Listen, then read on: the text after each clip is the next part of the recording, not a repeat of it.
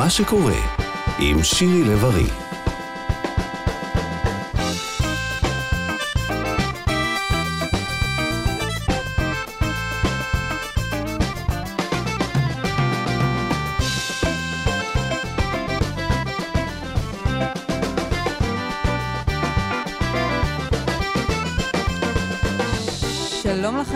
מאזינות ומאזיני כאן תרבות, אנחנו עם מה שקורה, תוכנית הספרות של סוף השבוע, על הספרים שקוראים עכשיו, הספרים שכדאי לקרוא איתי היום בצוות התוכנית בר צ'פטה להפקה, תמיר צוברי על הביצוע הטכני, ואנחנו יוצאים לדרך.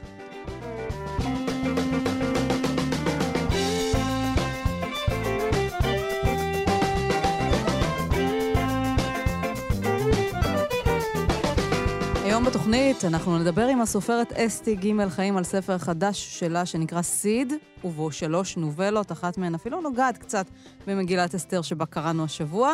נדבר גם עם אוריאל קון, המו"ל של תשע נשמות. הוא כתב בעצמו ספר, הספר נקרא לעשות מקום, ובעקבות יום האישה הבינלאומי שחל השבוע נדבר על שני ספרים על מעמד האישה. רבקה סולנית, גברים מסבירים לי דברים, ספר מאוד מעניין שתורגם עכשיו לעברית, וגם סבתא לא ידעה קרוא וכתוב של הפרופסור רחל אליאור. אבל לפני כן נתחיל עם רשימות רבי המכר. סיפורת בסטימצקי, יש כמה וכמה ספרים חדשים ברשימה. הערעור האחרון, ספר מתח שכתבו ליעד שוהם ויובל אלבשן, ספר מקור, וגם שלוש נשים של ליסה תדאו, ומסעודה של יקיר אלקריב, וגם מה שדיברנו עליו כאן בשבוע שעבר, ספר שכתבה דליה אבנס האמריקאית, שירת סרטני הנהר.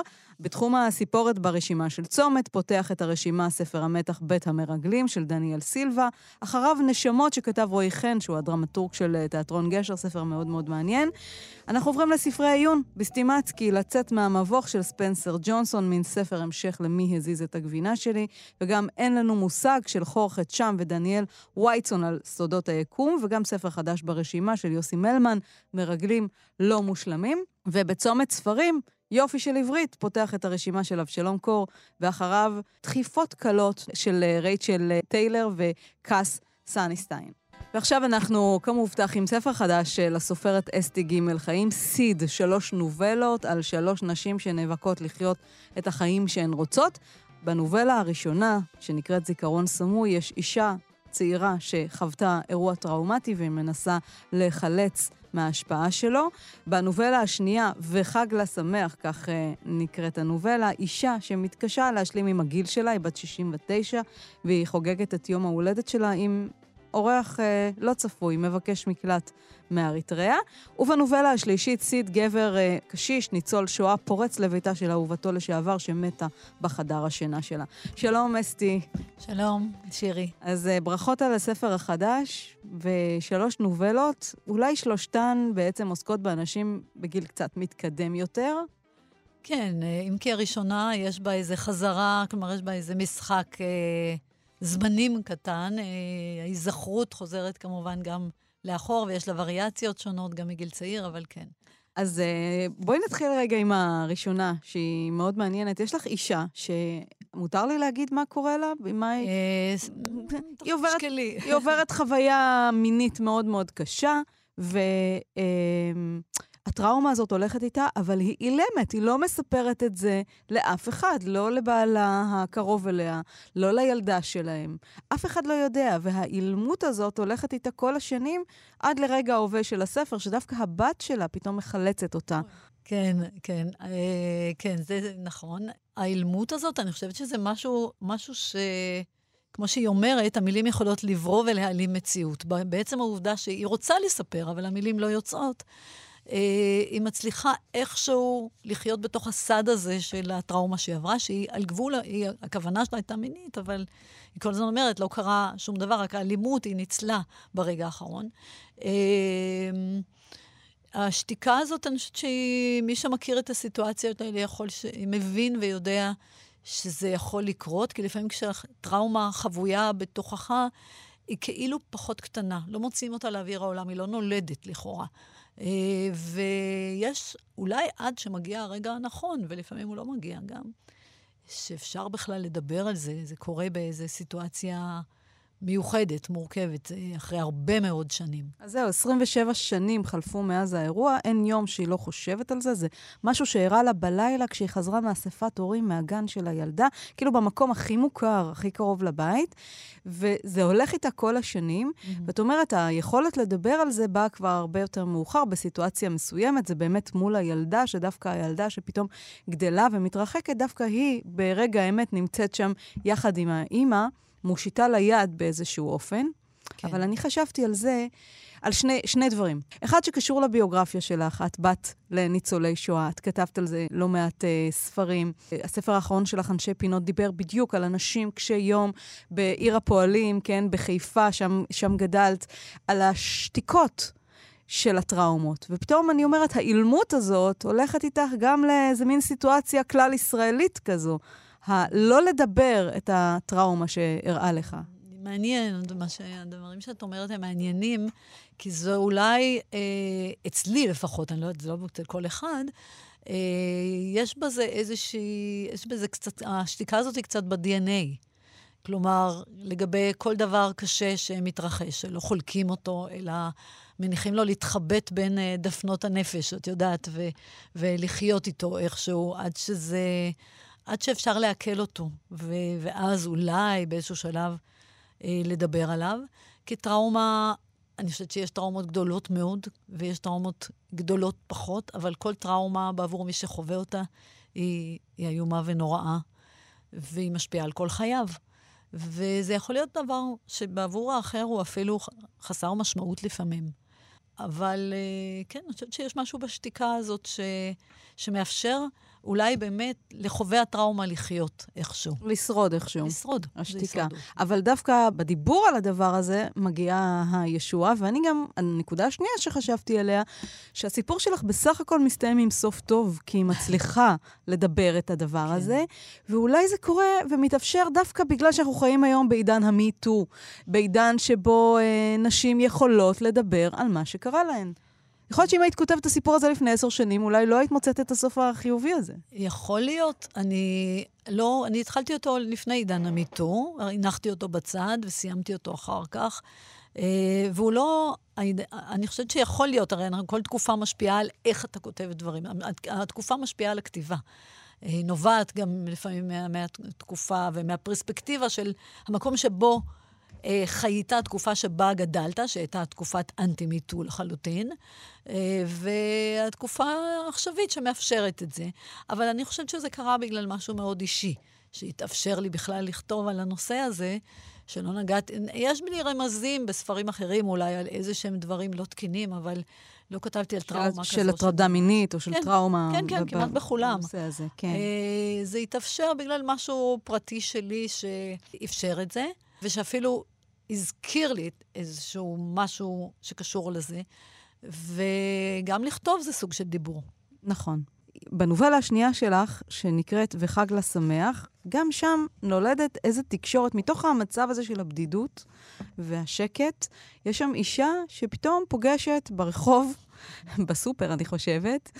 אז עוד הולכים לסופרים באופן חופשי ומתקרבים לאנשים בימים ההם, עוד לא כן. מזמן. בחור, כנראה מבקש מקלט מאריתריאה, היא לא יודעת את זה בדיוק, הוא מתנדב להרים לה את השקיות מהסופר, היא בת 69, ככה נפתח הסיפור הזה. גיל מתקדם, ועדיין יש לה איזה ליבידו כזה, היא אפילו קצת נדלקת עליו. בהחלט, היא בהחלט. אה, הוא אומר לה, הוא מחמיא לה באיזה משפט סתמי כזה, שהיא מאמצת בכל ליבה, כי הרי המשפטים האלה נהיים נדירים בשלב מסוים, ואז כל מה שפעם היה כל כך מובן מאליו, נהיה משהו שאוספים אותו החק בשמחה גדולה, כאילו סוג של אה, נוכחות בעולם. כל זמן שהוא לא הטרדה כמובן.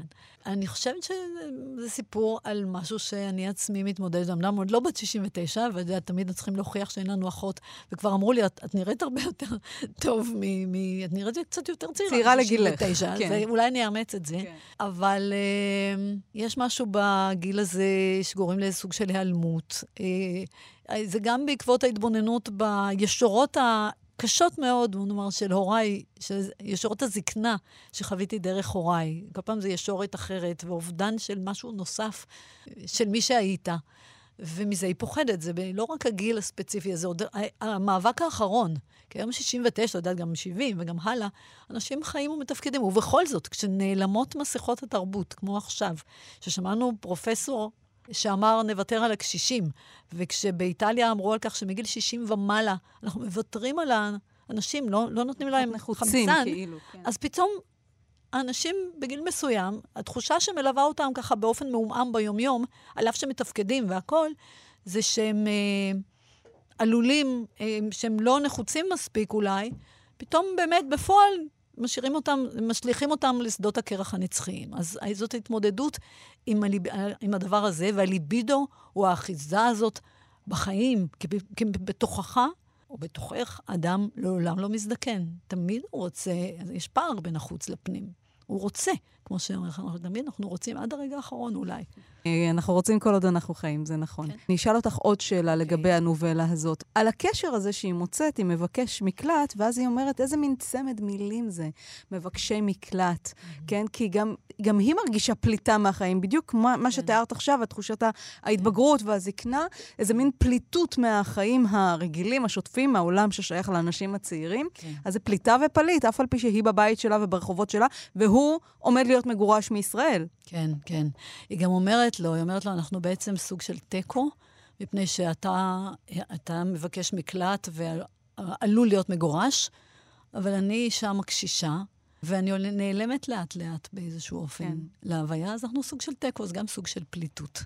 אז אה, פליטה ופליט פה, ואנחנו מגיעים לנובלה השלישית שלך, שאני חייבת להגיד שמאוד התרגשתי כשהתחלתי לקרוא אותה, והבנתי שבעצם מדובר באותן דמויות של אנשי פינות, של הרומן האחרון שלך. Mm. של אנשי הפינות, של האנשים שניצולי שואה והדור השני, שחיים בצל אותן uh, טראומות ו- וקשיים, וחיים בתוך היומיום הזה. שם את מוצאת את uh, אסתר.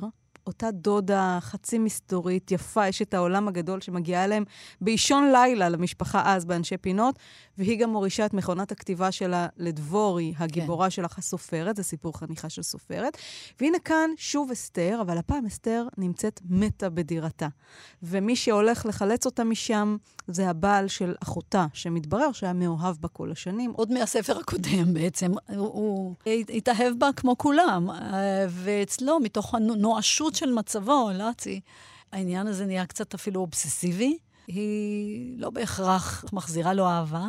אמנם הם אותם גיבורים, ויש פה איזושהי... אני לא יודעת אם זה לא המשך, הנובלה הזאת עומדת בפני עצמה, נובלה או רומן קצר, כי היא קצת רחבת יריעה, מתרחשת בכמה מקומות ויותר דמויות, אבל uh, גם פה, כמו בנובלות, הייתי אומרת, הקודמות הן נובלות, זאת, זה סוג של רומן קצר, הם uh, אנשים שמבקשים קשר, אנשים, ש, אנשים שסובלים מבדידות, אנשים שהחיים uh, לא ממש היטיבו איתם, שהם היו רוצים חיים אחרים, שהעולם הזה שרירותי מדי בשבילם, וקשה להם. בסופו של דבר, הסיטואציה הזאת, אגב, היא, אני כן יכולה לספר שאבא שלי, שלא לאצי, בכלל לא דומה לדמות הזאת, אבל היא נובעת מאיזה מין סיפור של איזה אחות של סבתי, אחת אותן, מאותן דודות שנפטרה פתאום בחליסה. והייתה איזו שביתה של... Uh, אמבולנסים, שאני לא זוכרת מה, של כל מיני שירותים. בחיפה. בחיפה, והוא הלך לשמור על גופתה. עד שיבואו לקחת אותה, וזה לקח כמה שעות, הרבה מאוד שעות. כי הוא אמר לי, אבי אמר לי בזמנו, שהוא חווה אין סוף מוות, גם בצבא וגם בשואה וגם איפה שאת רוצה, אבל זה כן היה נורא בעבורו, כי זה היה אישי מאוד, כי הוא היה איתה באותו בית, והוא פתאום חזר לא יודעת, הוא חזר הרבה יותר מטולטל מהסיפורים האחרים, שכנראה שאותם הוא כבר, או שהוא הדחיק או שהוא... מה שאת תיארת קודם, את הגופות שהוא, אה, שהוא תמיד ראה במחנות, ופתאום. הנה, הוא ראה כל כך הרבה גופות, בגטו, במחנה העבודה, במלחמות, אבל זו הייתה אסתר, לא מתים. והוא, בטיפשותו, חשב שתחיה תמיד, מפני שהייתה כל כך מלאת חיים. אז אם אנחנו חוזרים אה, אל הסיפור עצמו, אל אסתר המתה, השבוע קראנו את מגילת אסתר, כי פורים חל, למרות הקורונה חל פורים. אני זוכרת שדיברנו לא פעם ולא פעמיים על ההשפעה של הדמות הזאת על חייך, על דמותה של אסתר המלכה כן. מהמגילה, כן. אליה התחפשת בתור ילדה. רבות מאיתנו התחפשו כמובן לאסתר המלכה, כן. מלכת אסתר, אף פעם לא הבנתי את הסמיכות של המילים האלה, מלכת אסתר, כן? כן. והדמות הזאת שמופיעה אצלך גם ברומן הקודם וגם כאן אסתר, וגם פה אותה אה, אישה צעירה, יהודייה, יפה, נשלחת על ידי המשפחה שלה אל הקצינים הנאצים כדי לפתות אחד מהם, והוא אמור להוציא מרשימת ה... מצעד המוות, כן? כן. את המשפחה שלה. להציל את המשפחה לא, שלה לא באמצעות קסמיה הנשיים והמניפולציות, וזה שהיא מזמנת למשתה את הקצינים. זה מאוד דומה, לגמרי. כן. זה, זה פשוט בעצם... זה הדבר, זאת אומרת, זאת השראה ישירה של אסתר ומעשיה, ואני חושבת שדיברנו על זה, אבל שוב, זאת אסתר שנאלצת, אבל גם מסכימה, כלומר, מקריבה, גם שם היא מתבקשת. גם פה היא מתבקשת על ידי בני המשפחה, בעצם להקריב את עצמה, את טומאתה, את אה, אישיותה, את, למען האחרים. והיא עושה את זה מתוך תחושת שליחות, כי היא רוצה להציל חיים, וכשרוצים להציל חיים הכל לגיטימי. הרבה פעמים מדברים על ושתי כהפמיניסטית והלוחמת, זאת שממש אה, הופכת את השולחן, ואת אסתר כאיזה סוג אחר אולי של נשיות מתוחכמת שמושכת בחוטים מאחורי הקלעים, משלמת מחיר כמובן, אבל משתמשת בנשיות שלה, אבל זה מתוך נסיבות מחמירות, בדיוק, מה שנקרא. אנחנו בדיוק זה... שופטים את אסתר בכלים של היום, שהיום ככה, את יודעת, דיברנו על המיטו, דיברנו על טראומות מיניות, דיברנו על uh, נשים שהן באמת יכולות להרשות לעצמן אולי היום באופן, להתנהל באופן אחר, אבל צריך לשפוט את זה בכלים של אז, כשיצאה הפקודה להרוג כל אישה שתמרה את uh, פיו של uh, בעלה. או את פיו של המלך. אה, כלומר, הדין היה המוות, וכל אמצעי הנכון, כולל האמצעים האלה, ולדעתי, כבודה של ושתי במקומו מונח, היא מרדה ומתה. אבל אסתר עשתה מעשה של חיים, לפחות אה, בחלק הזה של המגילה. ולא חשבה פעמיים, והשתמשה, נערה בהתחלה היא הרי מאוד צנועה ומאוד אה, עדינה, וגם אסתר פה בספר, היא בת 18, היא צעירונת, אה, לא יודעת כלום על החיים, ופתאום היא נשלחת כאיזה מין פאם פאטל, והיא כן. מסכימה לזה. היא, היא מסכימה, היא יכלה גם לא להסכים, אבל היא לא יכולה לשאת על מצפונה את uh, גורלם של בני משפחתה, וזה מייסר אותה גם אחר כך, שעל אף הכל זה לא צלח. ושאלה ככה לקראת סיום השיחה שלנו, קראת לספר סיד, והמוטיב הזה של סיד מופיע בשלוש הנובלות. כן. למה סיד? היום זה מאוד רלוונטי, כי סיד שימש לחיטוי אה, בתקופות של מגפה לאורך ההיסטוריה. אה, אני מקווה שלא נזדקק לסיד, שהכל יהיה בסדר. אבל כן, בכל אחת מהנובלות, שכל אחת כתובה בסגנון אחר למעשה, ושייכת לתקופה קצת אחרת, אה, יש איזשהו אלמנט של סיד שיש בו משהו מנקה, משהו מוחק, משהו מחטא. כל אחת מנסה להתנקות אולי מעברה, להתנקות מההווה שלה, להתנקות מטראומה שלה, ומצד שני למחוק. כלומר, שם משהו שנמחק גם באמצעות הסיד הרי, למחוק איזשהו סיפור חיים כדי לאפשר סיפור חיים אחר. הלובן, הניקיון, ומצד שני איזושהי אלימות שיש בסיד, הכווייה. הרי תמיד כשהייתי קטנה היו אומרים לי, אה, לא לגעת בסיד, יש מושג סיד, סיד חי, יש גם סיד כבוי, שזה מים, אה, מים בצירוף אבקת הסיד, זה מה שגורם את הכווייה, זה מחטא עד כדי כווייה. לא לגעת כי זה יעשה לי חורים בידיים. יש משהו בסיד שיש בו עוצמה, כן. בעיניי. אסתי חיים, סיד, ספר חדש בהוצאת אה, אחוזת בית. תודה רבה לך על השיחה הזאת. תודה רבה, שירי. להתראות.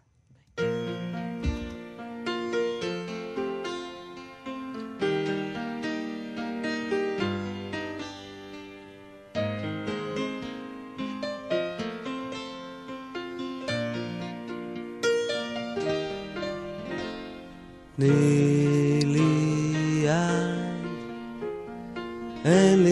מלבדך עוד בית, אין לי מלבדך עוד אף אחד, תני לי יד. תן לי יד, כדי שלא אבחן בין דרך, כדי שלא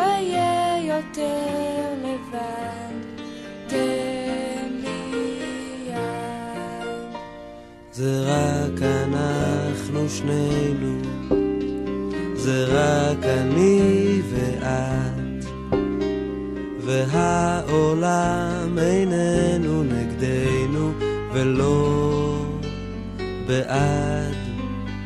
וככה כפי יכולתנו, יחד נאהב ונכאב אני ואת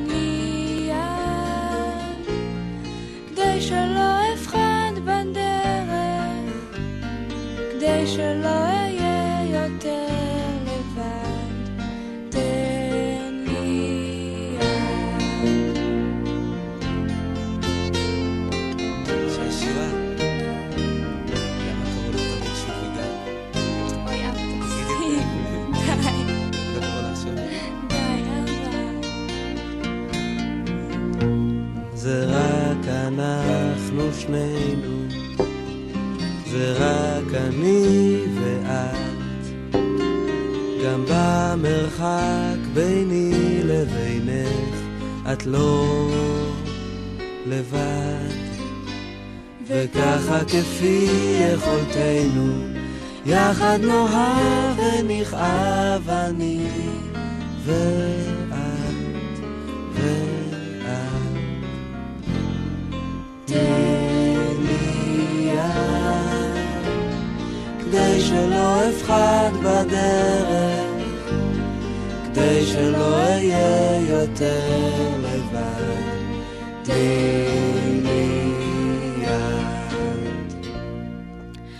לפני כמה שנים חוויתי פרידה מאישה שאהבתי נורא. נפער בי חלל בלתי ניתן למילוי. הרוח התרוקנה. שכבתי על הבטן וכיסיתי את ראשי בכרית. לא רציתי להסתכל סביב. רציתי שהימים יחלפו מעליי, שיקפיאו אותי, כפי שאומרים שעשו לוולט דיסני, עד אשר תימצא תרופה למחלתי. הפסיכואנליטיקאית שלחה אותי לבקר את פרויד, שאמר לי כי האבל אינו מחלה, אלא עבודה שיש לעשות בכלים האישיים העומדים לרשותנו. צחקתי. עשיתי ספירת מלאי של עצמי. אני תולדה של מוזיקה, מגע, של חברים, תנועה, של קריאות ושל אהבה כלפי המרחב. ערים, ים, איים, מקומות. אני ארכיטקט. לכן דמיינתי תמיד את כל אלה עם תכונות אנושיות של ממש. מוזיקה, מגע, חברים וקריאות, בקושי יכולתי לשאת בשלב ההוא. נותרה לי דרך מוצא אחת, לנוע ולכתוב. כך נפתח ספרו של אוריאל קון, שאנחנו בדרך כלל מכירים את שמו כמו"ל, של הוצאת תשע הנשמות. הספר נקרא לעשות מקום, ואנחנו נאמר עכשיו שלום לאוריאל קון, הישר מהבידוד בבית בירושלים. היי, אני על הקו. שלום. מה, כבר יצאת החוצה או שאתה עדיין בבידוד? יצאתי החוצה הבוקר. נגמרו השבועיים? כן, כן. חזרת מברלין, נספר למאזיננו. נכון. אז, כן. אה, אז עבר בשלום. כן, עבר שלום. הספר שלך הוא כולו שוטטות, זה ההפך הגמור. נכון, ההפך הגמור, כן. אבל זה כאילו- יפה דווקא לאנשים שנמצאים בבידוד לקרוא את התיאורים של כל הערים והמרחבים האלה בעולם. כן, אולי זה ספר שעשוי לעזור לאנשים המבודדים את עצמם. אז השוטטות אצלך התחילה כאיזה תרפיה. אה, נכון, כן. כמין דחף לצאת החוצה לכל מקום, לברוח מהבית, מהמדינה, מהעיר, ולמצוא מקומות חדשים. כלומר, להגדיר אותם או לעשות אותם בתוך עצמי, אה, כדי שאני אוכל אה, לצאת מהמקום המוזר שבו הייתי. ואתה ארכיטקט, אז אתה אוהב לדעת איך מבנים בנויים, אתה תמיד מתבונן סביבך, ומה שאתה רואה כשאתה מסתכל בישראל, עובר מעיר לעיר, זה שיכונים. ואתה מדבר על מאות העמודים על בניינים שנראים אותו דבר, כן, הועתקו באופן גנרי, הסגנון המודרניסטי שקל להעתיק אותו, ואתה מרגיש שאתה סובל ממנו, שאתה כבר לא יכול לסבול את המראות של השיכונים מסביבך בכל מקום שאתה הולך אליו. כן, נכון. אה, יכול להיות שזו תסמונת של מהגר. כלומר, מהגר שמגיע למרחב שזר לו, במקרה הזה זה היה ישראל, זאת הייתה ישראל, עם האלפי, 700 אלף אה, שיכונים שנבנו, אה, חלקם הלא קטן על עמודים, וזה עשוי לשגע ולהשפיע על המציאות ועל החלומות ועל ההוויה ועל היכולת שלנו להרגיש במקום ספציפי. אז הרגשתי גנרי. וכדי למצוא את הספציפיות שלי נאלצתי לברוח. אתה מדבר על השיכוניטיס, כן? זה המחלת השיכונים של המקום הזה. אתה אומר, אני נכון. מבין, באותן שנים, כשהקימו את המדינה, היה צריך לבנות מהר, כדי לייצר הרבה מקומות. אבל, אה, כן, אבל אבל... זו אה, הייתה בחירה, זו הייתה בחירה. סגנונית. אה, אני, אני טוען שם בקטע על השיכונים שזו הייתה בחירה סגנונית ושהחיסכון היחידי היה חיסכון בדמיון אדריכלי, כי בעצם השיכונים, המבנים המשוכפלים הם תוצר של, של עצלות של ארכיטקטים ולא של סגנון, בעיניי. אני לא יודעת אם עצלות, נלבישך שלמת בטון ומלט, כן? זה, זה הצהרה, הבטון הזה. אנחנו חזקים, אנחנו יצוקים. נכון, נכון. מצד אחד הבטון הוא חזק, מצד שני ההשפעות של הבטון בכמויות כה גדולות, במקרה שלי לפחות, זה, אני מצאתי שזה משגע אותי לחלוטין. אז אתה אומר, חסכו בדמיון, לא בהכרח חסכו בכסף, ואתה ממש יורד על האדריכלות בערים הישראליות, חולון, ערד, ללא רחם. כן, נכון. נכון, זה גם באירוניה, אבל uh, בהחלט זה, זה לא קל, לא קל. כלומר, ב, בהשוואה למקומות אחרים, למשל איים, למשל מקומות יותר אורגניים, uh, שכוללים בתוכם uh, ים וחול ו, ואילתור, uh, אז אני מעדיף את האילתור הזה, את היכולת שלנו ללכת לאיבוד בתוך המקומות שאנחנו חיים ומשוטטים בהם. ואני מוצא שבשיכוניזם הזה קשה ללכת לאיבוד, והיכולת ללכת לאיבוד זה מונע מאיתנו להרגיש את התחושות הקיומיות האלה, וה... וגם לאבד קצת מהרגישות המרחבית שלנו. אז רגע, לפני שנצא איתך רגע למסע במקומות שבהם ביקרת, אני אשאל אותך על עוד עיר ישראלית אחת, שדווקא אצלך אולי כן זוכה להנחה כלשהי, והיא אשדוד. העיר אשדוד, שאגב, עמוס עוז ראה בה ממש, אתה יודע, את עיר העתיד. עם האור, והים, והשמש, והבנייה. כן, לך לא, יש סנטימנט עליה בגלל שהסבא והסבתא שלך ביקרו בה. כן, לא, וההורים שלי ואחותי התיישבו בה בדיעבד. אבל אשדוד כן, אני חששבתי עליה כעל שיא הכיעור, גם היא עיר שמפנה את גבה לים, ומאוד מאוד קשה אה, להימצא באשדוד. אני נמצא בה כבר, הולך אליה כבר 20 שנה, וכל ביקור, כל שבועיים, כן. ההורים שלי מאוד קשה. לאו דווקא בגלל שההורים שלי קשים. בגלל אה, השיכוניטיס. בגלל, אה, כן, בגלל שיש עיר ויש ים תיכון ויש יכולת, הייתה יכולת לבנות עיר שכולה נפתחת אל הים ועם גישה אליה, אבל הערים שלנו כאן מתכחשות ל- לקיומו של, ה, של הים ושל המרחב הפתוח. ואתה באמת, הבחירה הראשונה שלך כשאתה יוצא עם שברון הלב שלך, היא לאי כוס. אה, נכון, כן. ואתה כן. מאוד אוהב את המרחבים האלה של האי, של הים. אתה בכלל גם מבקר המון באתונה. תספר לנו נכון. למה אתה אוהב כל כך את אתונה. אני, אני מוצא באתונה אה, את הגמישות הזאת, לאתונה יש שיכונים, אבל השיכונים שלה אה, שונים, וגם מבחינה גיאומטרית וצורנית, וגם אה, הפתיחות שלה למ- למרחבים, וגם הצפיפות שלה, וה... אה, יוצא שאנשים, יש להם יכולת לגעת אחד בשני יותר, להסתכל אחד על השני יותר, ואצלנו לפעמים ה- המבנים נמוכים, פזורים, אה, לא, לא בנויים גב אל גב, המדרכות רחוקות אחת מהשנייה וקשה לגעת, קשה לראות, ואני אוהב, כן, מקומות שבהם הצפיפות אה, מקרבת בין אנשים, מה שלא נהוג בימי הקורונה. כן, זהו. אז עכשיו אנחנו קצת באזור יוצא דופן של החיים שלנו, אבל באופן כללי אתה אוהב צפיפות, ושהחיים מתרחשים בחוץ, זה הרבה מאוד אופייני לאורח החיים היווני, ואתה אומר שהוא גם מזכיר קצת את אורח החיים הארגנטינאי. אתה יליד בואנוס איירס, אה, הגעת לכאן אה, לישראל, יש- אתה נושא איתך את חוויית המהגר, אבל תראה איזה יופי אתה כותב על, ה... על מחוז הילדות. יש מקום אחד ויחיד בעולם, מפה עירונית קטנה, שרק בה אפשר להתהלך בעיניים עצומות בלי לדפוק את הראש בעמוד חשמל. טריטוריה חושית שניחוחה, מגעה וצליליה מוכרים לך בעל פה, ואפילו בעל גוף. המקום היחיד שאינו זקוק לתוכניות ויזואליות כדי שתזהה אותו. המפה הרגשית של הילדות. המקום שבו גדלת. וכך אתה כותב על בואנוס איירס. נכון, כן, כן, על השכונה שלי, שכונה דרך אגב מאוד יהודית, וגם, אה, כן, יש לה את התכונות האלה. יכול להיות שהיא מכוערת להפליא, אבל כן, יש אה, את המפה הזו, שהיא המפה שהיא, שהיא קיימת בתוכנו, אה, שהיא חלק מה-DNA של אפילו של האישיות שלנו, כי האישי- האישיות שלנו אה, למרקסיסטים כמוני תלויה מאוד באובייקט בעיר שלנו, כלומר האוב- האובייקט משפיע על הסובייקט, אנחנו נגזרת של המקום. לא רק נגזרת מהפסיכולוגיה כן, אה, ללא ספק. שלנו. אז uh, אתה כותב גם על הביקורים שלך ברמאללה, בבית ג'אלה, אתה עבדת uh, באגף התכנון של עיריית ירושלים, פרשת משם, בין השאר, אתה אומר, בגלל מה שקומם אותך, כן, היחס לשכונות הערביות, ואתה גם הצבת uh, מבנים לשועפאט. נסעת לשם כן. לא מעט. כן, כן, נסעתי ואני נוסע. אז איך המרחב תודה. אצל שכנינו ביחס למרחבים שאנחנו יצרנו פה, השיכוניטיס? מאוד דומה. אה, כלומר, אנחנו בסך הכל... אה, זה. נגיף מתפשט, אתה אומר. כן, כן.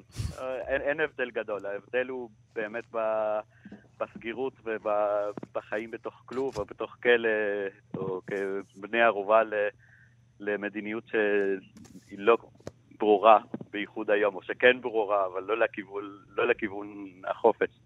אבל כן, יצא, אני יצאתי ואני יוצא לרמאללה ולבית ג'אלה, לבית לחם. זו אפשרות גם אה, ללכת לאיבוד במרחב אסור, שהוא באופן פרדוקסלי נמצא 20 דקות נסיעה מהבית שלי, למשל. אה, בית לחם נמצאת אה, 20 דקות ממני, רמאללה אולי שעה בגלל המחסומים.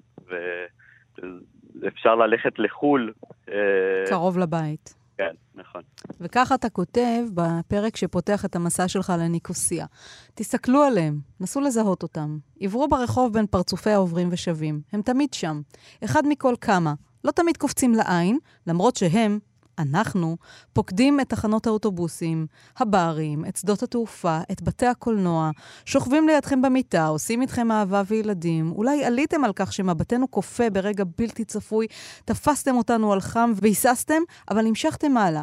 משום שאנו, המהגרים, פוקדים את המאה ה-21 בכל מקום ובכל רגע נתון, חיים בעיני העולם ולעיתים אף בעינינו אנו, כמעט חיים רגילים. אתה כותב על חוויית ההגירה שלך שבעצם משוטטת איתך לכל מקום. כן, כן, לגמרי. זו מין תסמונת ומין צלקת או שבר פנימי, לאו דווקא כי ההגירה כואבת, אלא כי ברגע שנוסף עוד מקום, עוד מרחב לחיים שלנו, אז אה, יש מין בעיה או עניין קיומי ש...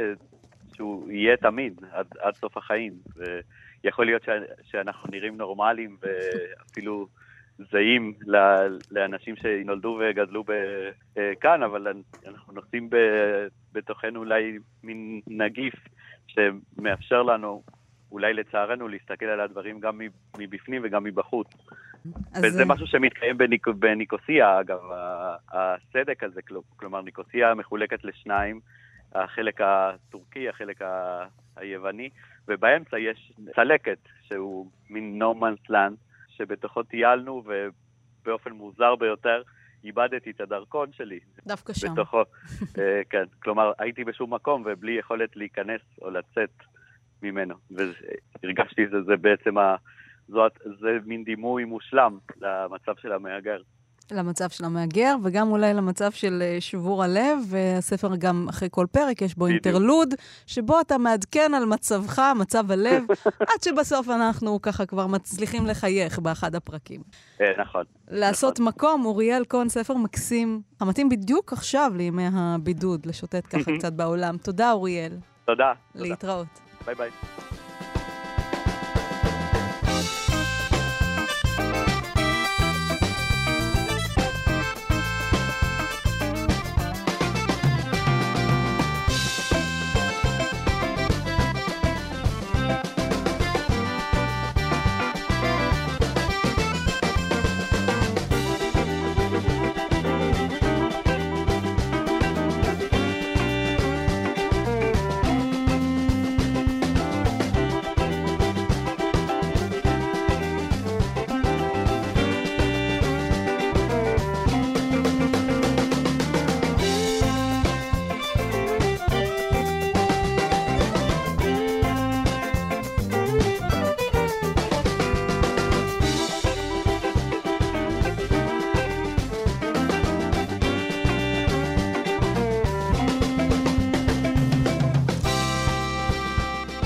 כאמור, השבוע ציינו את יום האישה הבינלאומי בתחילת השבוע, ועכשיו אנחנו נדבר על ספרה של הפרופסור רחל אליאור, סבתא לא ידעה קרוא וכתוב, על הלימוד ועל הבורות, על השיעבוד ועל החירות.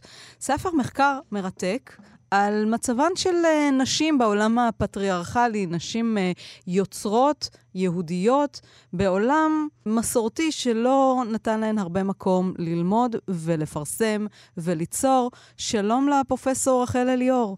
השירי.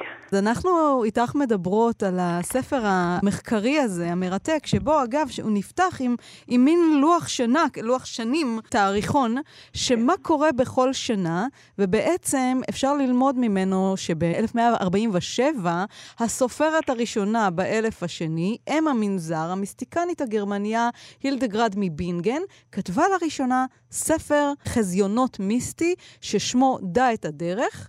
וגם שני ספרי מדע, פיזיקה ותרופות. אז הנה, הייתה לנו כבר שם, במאה ה-12, אישה יוצרת, כותבת, אבל לאורך ההיסטוריה, נשים לא קיבלו מקום. לא ללמוד, לא ליצור ולא לפרסם. נכון מאוד. אם הזכרת את הילדגרד מבינגן, הסופרת הראשונה באלף השני, כדאי להזכיר שהיא הייתה אם מנזר. הנזירות כאופציה הייתה שמורה לנשים נוצריות באלף הראשון, מה שמעולם לא הייתה אפשרות כזו לנשים יהודיות. התורה מצווה על פרו ורבו, בתורה אין מילה רווקה ואין מילה לרווק, כל אדם הוא בד... לפני הנישואין ונשוי, כן, ולפעמים כמובן גם גרוש או אלמן, אבל המצב של חיים כרווקה לא היה מוכר אצל יהודים בשום אופן. אצל הנוצרים הנזירות הפכו לכלות של ישו, כלומר הן היו פטורות מנישואין בשר ודם. עכשיו, יש חשיבות רבה לנקודה הזאת, כי כל העולם כולו התנהל רק על פי ההגמוניה הגברית או על פי הסדר הפטריארכלי. כדאי להגיד מילה מה זה פטריארכיה. פאטר זה אבא, כמו פאזר באנגלית, וארכיה זה שלטון, וזה גם כמו ארכיאולוגיה, כלומר משהו עתיק, משהו קדום, משהו שאי אפשר להתווכח איתו. ארכון זה שליט, הסדר הפטריארכלי זה שלטון האבות. ומה הם עשו בשלטון האבות? דבר ראשון, הם אסרו על אנשים ללמוד לקרוא ולכתוב. בין אם זה התנא שלנו, רבי אליעזר בן הורקנוס, שאמר שכל המלמד ביתו תורה כאילו מלמדה תפלות, ואמר את המשפט הנורא, יישרפו דברי תורה ואל ימסרו לנשים. ובין אם זה היו בעלי העבדים בארצות הברית שאסרו על עבדים, ונש... על עבדים ושפחות ללמוד לקרוא ולכתוב. העניין הוא ששלטון של אדם אחד באדם אחר היה תמיד מותנה בשלילת זכות לימוד ממי ששולטים עליו. לא סתם המילה שפחה. והמילה משפחה באה מאותו שורש. אז רגע, הזכרת קודם את הנזירות. ברגע שהן פטורות מחיי משפחה, יש להן הרבה זמן פנוי, ולכן נכון, יכלו למדו... לפרסם, לעומת הנשים היהודיות שלא יכלו להתנזר, וחיו בתוך עולם שהדעות הגבריות, כפי שציינת קודם את אה, רבי אליעזר בן אורקנוס, במשך, את כותבת, בספרייה בת מאה אלף הספרים של העם היהודי, בין ראשית הדפוס ועד סוף המאה ה-19, אין לו ספר אחד שנכתב על ידי אישה יהודייה בלשון הקודש, והובא לדפוס בימי חייה. זה נכון, וזה מדהים לגמרי, אני אומרת את זה למען הקיצור והזיכרון, מדבורה הנביאה ועד דבורה ברון אין אף ספר יהודי שכתבה אישה יהודייה בלשון הקודש, הביאה לדפוס בימי חייה וזכתה לאיזושהי הוקרה או הכרה כסופרת. עכשיו, כלומר, אפשר על דרך השלילה להגיד, יש פה ושם ספרים ביידיש, יש ספר אולי בגרמנית או ברוסית, אבל אין לנו ספר בשפה העברית שכתבה אישה יהודייה והביאה לדפוס בימי חייה, ואני אזדרז ואומר שהספר של גליקל מהמלין איננו ספר, הוא יומן ביידיש. הוא לא עונה על ההגדרה של ספר שכתבה אישה יהודייה בשפה העברית. כי בספר יש גם יומרה. כשמישהי כותבת יומן זה עדיין במרחב הדומסטי. כשמישהי נכון. כותבת, כמו אותה אה, נזירה מבינגן, היא כותבת כן. ספר או מחקר, זה כבר יש את האמירה הזאת, אני כאן, יש לי קול, תשמעו אותי. הילדגרד מבינגן לא הייתה סתם נזירה, היא הייתה אם מנזר, כן. והיא הייתה מדענית, והיא הייתה כן. רופאה, והיא הייתה מוזיקלית, והיא כתבה תווים, הייתה אישה גאונית. אבל העניין הוא לא ביוצאי הדופן, אלא בדופן. הדופן בעולם היהודי אמרה שנשים נמדדות על פי תרומתן לחיי הבית והמשפחה. בבית ובמשפחה היה ראוי להתייחס אליהם בכבוד, להקשיב לקולן, לנהוג בהם יפה, אבל מחוץ לבית לא היה להם קיום. כי מי שלא לומד לקרוא בלשון הקודש, לא יכול לקחת חלק במשא ומתן התרבותי של הקהילה שלו. מי שאיננו יודע לקרוא בתורה, בקול רם, ובפירושי התורה, ובתרגומי התורה, ובמשנה, ובתלמוד, הוא משולל סמכות, הוא נאסר עליו לדבר כן. ברבים. עכשיו, התוצאה הייתה ש... של בלעדיות סמכות הדעת של הגברים. כלומר, לאישה לא הייתה דעה או סמכות שנלקחה בחשבון. רחל, אני בכל זאת רוצה לשאול אותך, כי יש לך פה לא מעט פרקים ב- באמצע הספר ועד סופו, בכל זאת, על עדויות על נשים יוצרות ועל יצירת נשים בספרייה היהודית. אז אולי כן. זה המקום להזכיר כמה מהן.